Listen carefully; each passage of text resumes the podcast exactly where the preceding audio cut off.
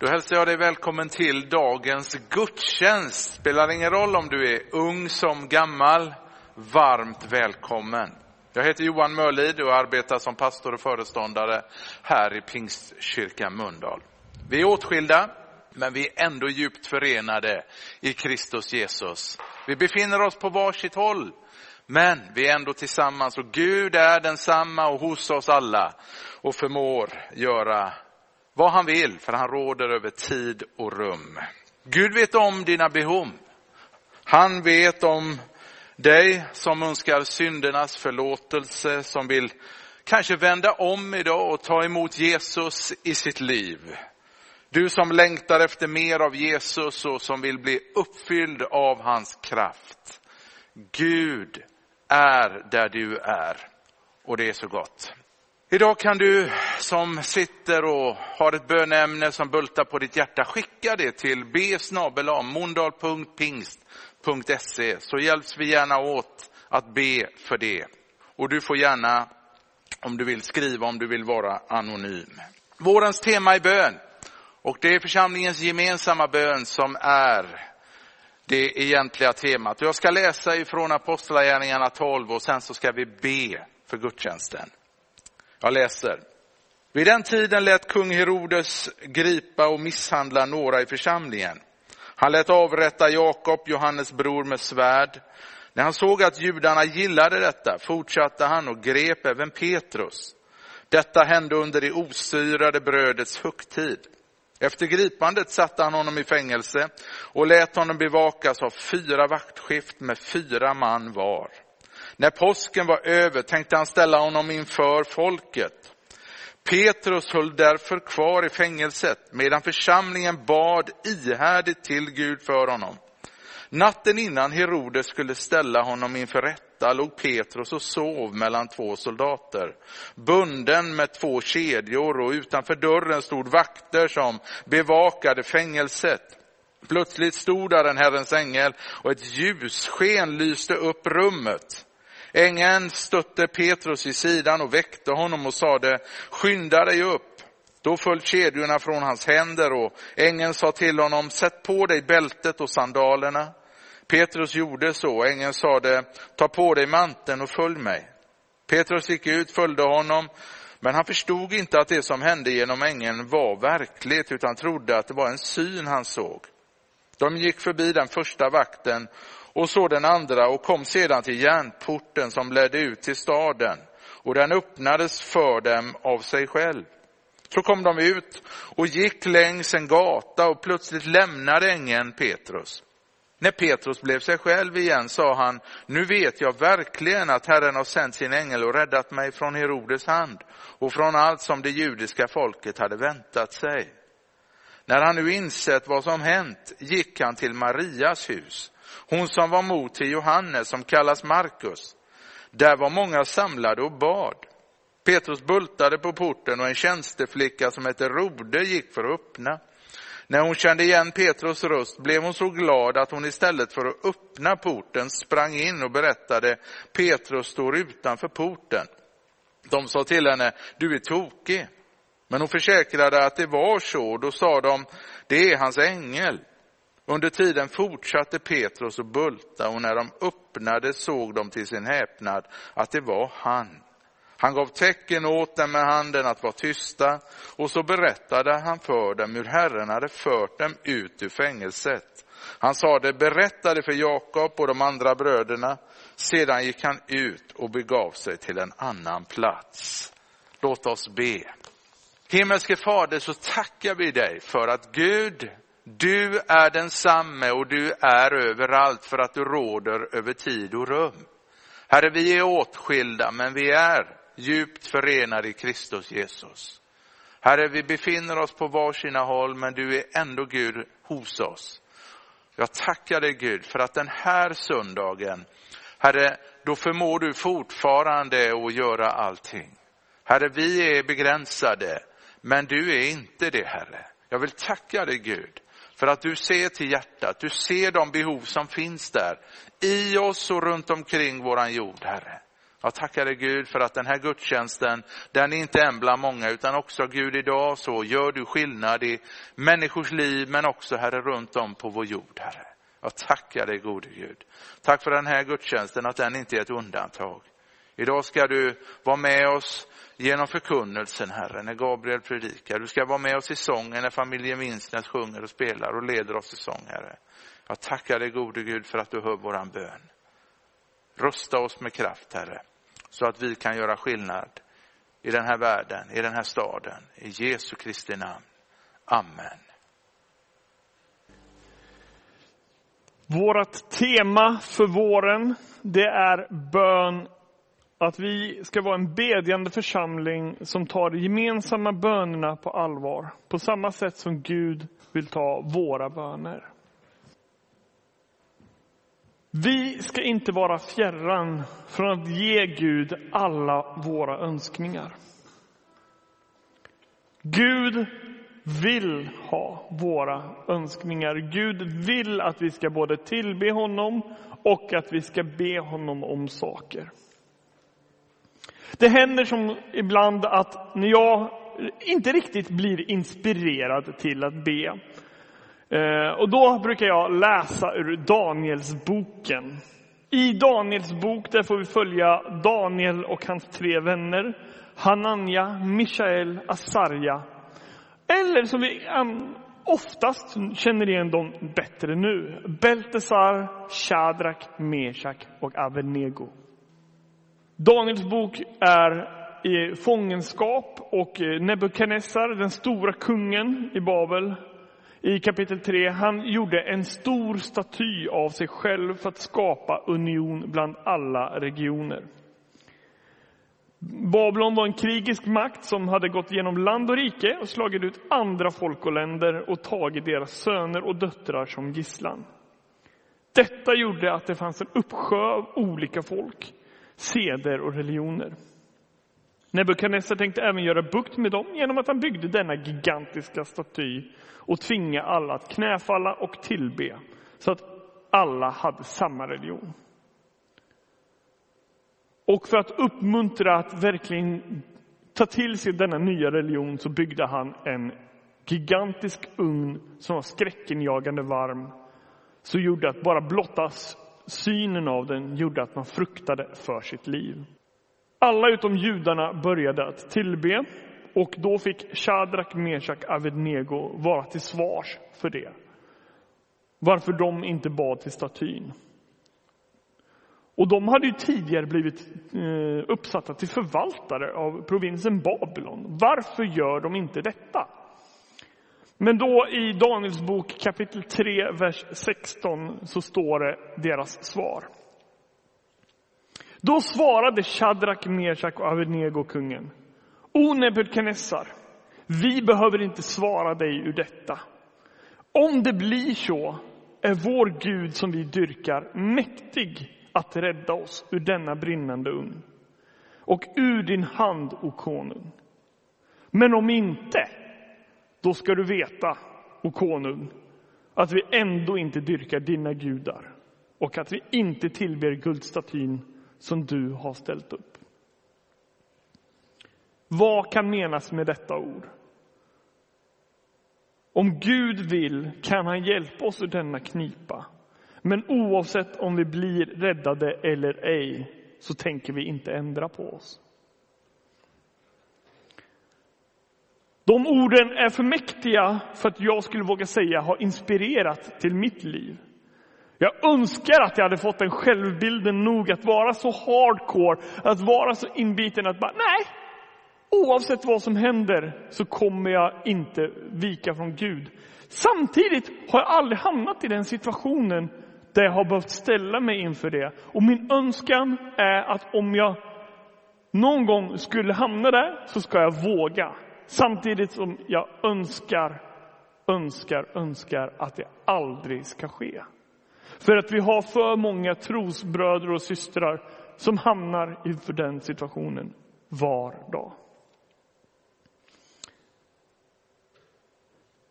I Apostlagärningarna 12 så, har vi fått följ, så kommer vi till när Petrus har blivit fångad av Herodes. Herodes hade märkt att om han fångar de judiska ledarna, eller de kristna ledarna, så blev de judiska folket glada. Han hade avrättat Jakob och var i färd med att avrätta Petrus. Men påsken kom emellan. Efter att påsken var över så, så hade han tänkt att avrätta Petrus. Petrus han var i fängelset och församlingen, var var de? Var var församlingen? Jo, församlingen var samlade tillsammans för att be ihärdigt. För att Petrus skulle bli fri och för att Herodes inte skulle ta till sig någon mer.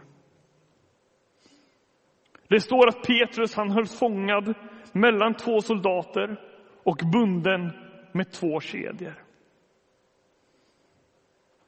Hade det varit jag så hade jag nog varit väldigt ängslig. Jag hade nog bett så ofta jag orkade. Men tankarna kanske fladdrar iväg. Kanske var det så att hans tanke inte orkade fokusera för att han var så trött. Petrus som hade gått i böneskola hos Jesus, men som redan då var dålig på att hålla fokus. På något sätt i alla fall så måste han ju fått ro. För att dagen innan kunna somna in. Dagen innan sin dom lyckats sova. Eller så kanske det är så att när man ber tillräckligt mycket, då tappar man fokus och faller in i sömn. Händer mig i alla fall i min trygga i mitt trygga rum, i mitt trygga hem. Men i alla fall, natten innan domen så kom en ängel framför honom. Det står att Petrus låg och sov. Och det är ju spännande att man sover verkligen natten innan sin avrättning. Så, men han sover så hårt så att ängeln var tvungen att stöta på honom för att han skulle vakna. Petrus bojor faller till marken. Petrus blir ombedd att ta på sig sina kläder. Och de börjar att gå. Petrus han lyckas förbi, gå förbi vakterna utan att de ser någonting. Och jag kan tänka mig att Petrus tänker det här är bara en dröm. Kanske är det så han upplever det. Det här kan inte vara på riktigt. Det här måste vara en dröm. Så han kanske går fram till en av vakterna och börjar lite smått så här. Ser du mig? Ser du mig? Nej.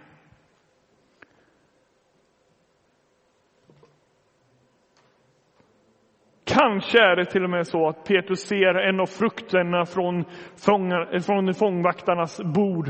Och ska jag byta ut det mot ett av svärden? Men det står ingenting om och därför går vi vidare. Petrus han går fram, han går vidare. När Petrus och ängeln kommer fram till portarna till fängelset så står det att de svänger upp utan att någon har nuddat dem. Jag kan tänka mig att Petrus går där skrattande. Tänkte, det här var en mäktig dröm. Tänk vilken frid Gud har gett mig att få drömma om att bli fri. Natten innan min dom. Han känner mod istället för rädsla. Petrus gick där och visste varken till eller från när han gick längs gatan med ängeln. Och plötsligt är ängeln borta. Plötsligt kanske Petrus känner, oj, jag känner vinden. Men det kan jag inte göra, jag är ju i en dröm. Är det på riktigt? Han har gått från sin dom ut utan att ha blivit sedd. Utan att någon har kunnat göra någonting. För våran Gud är mäktig att fria.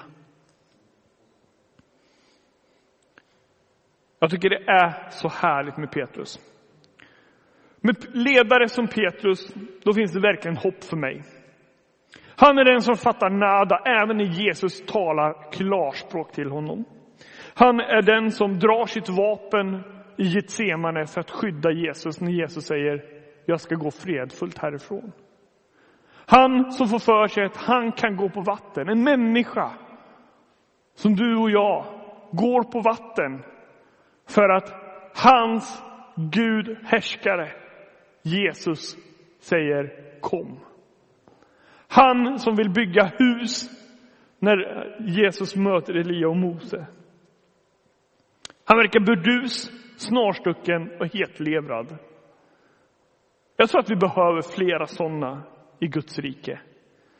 Sådana som säger det de tycker och gör det de känner sig kallade till. För även om Petrus har många brister så har han ändå hjärtat på rätt ställe. Och det kan ibland vara viktigare. Han är också den första som erkänner Jesus som Guds son. När Petrus har sansat sig efter att ha förstått att allt har verkligen hänt. Det här är på riktigt.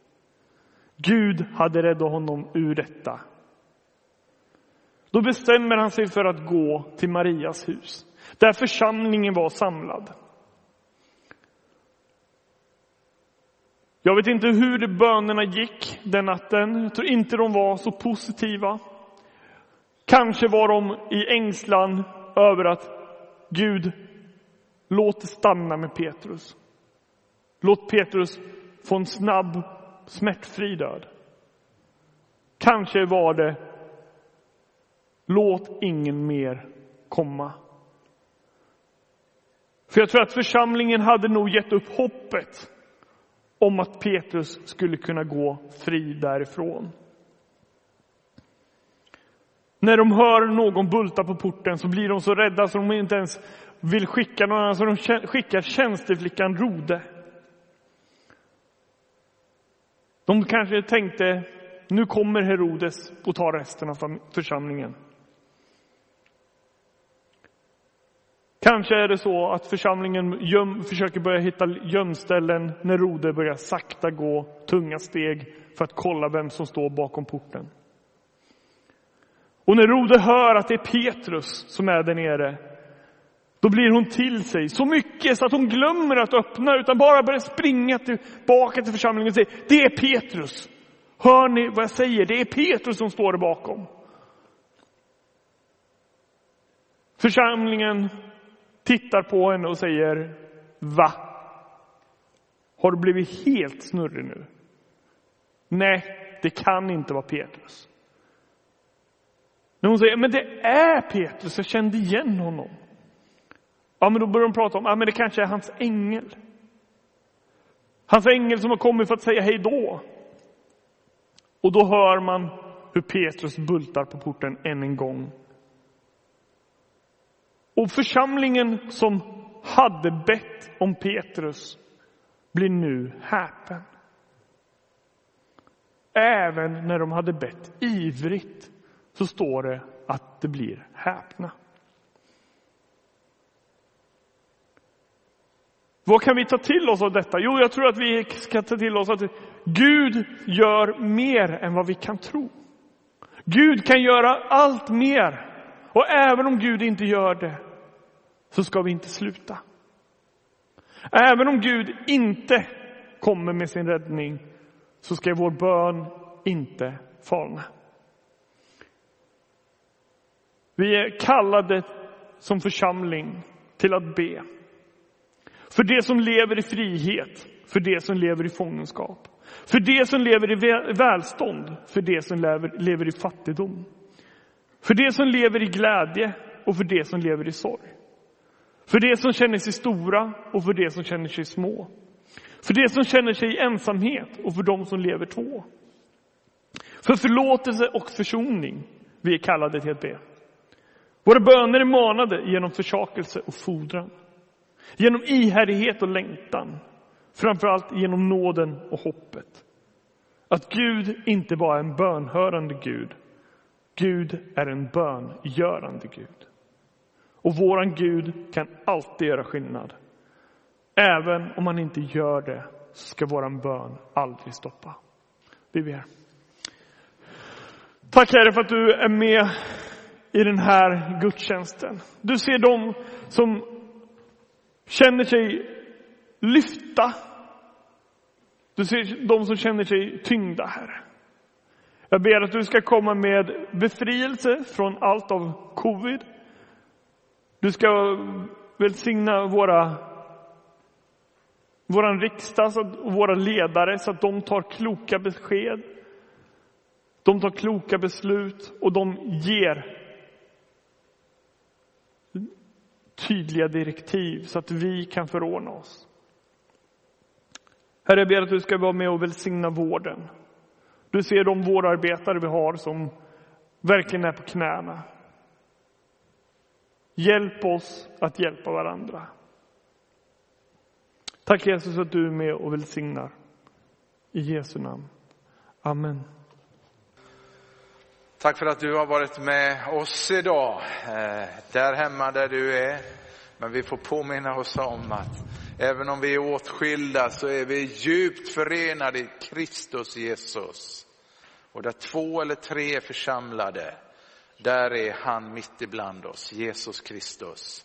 Du vet, jag påminner mig om, du vet att även om du är ensam så kan du aldrig bli mindre än två. Därför att där du är, där är också Jesus. Och därför så hör han dina böner. För där två eller tre är församlade, där är han mitt ibland oss. Och där hör han precis vad ditt hjärta ropar efter och vad du ber om. Ta så emot Herrens välsignelse. Herren välsigne dig och bevare dig. Herren låter sitt ansikte lysa över dig och vara dig nådig. Herren vänder sitt ansikte till dig och ger dig utav sin frid. I Faderns och i Sonens och i den helige Andens namn. Amen. Min vän, gå i frid och tjäna Herren med glädje. Amen.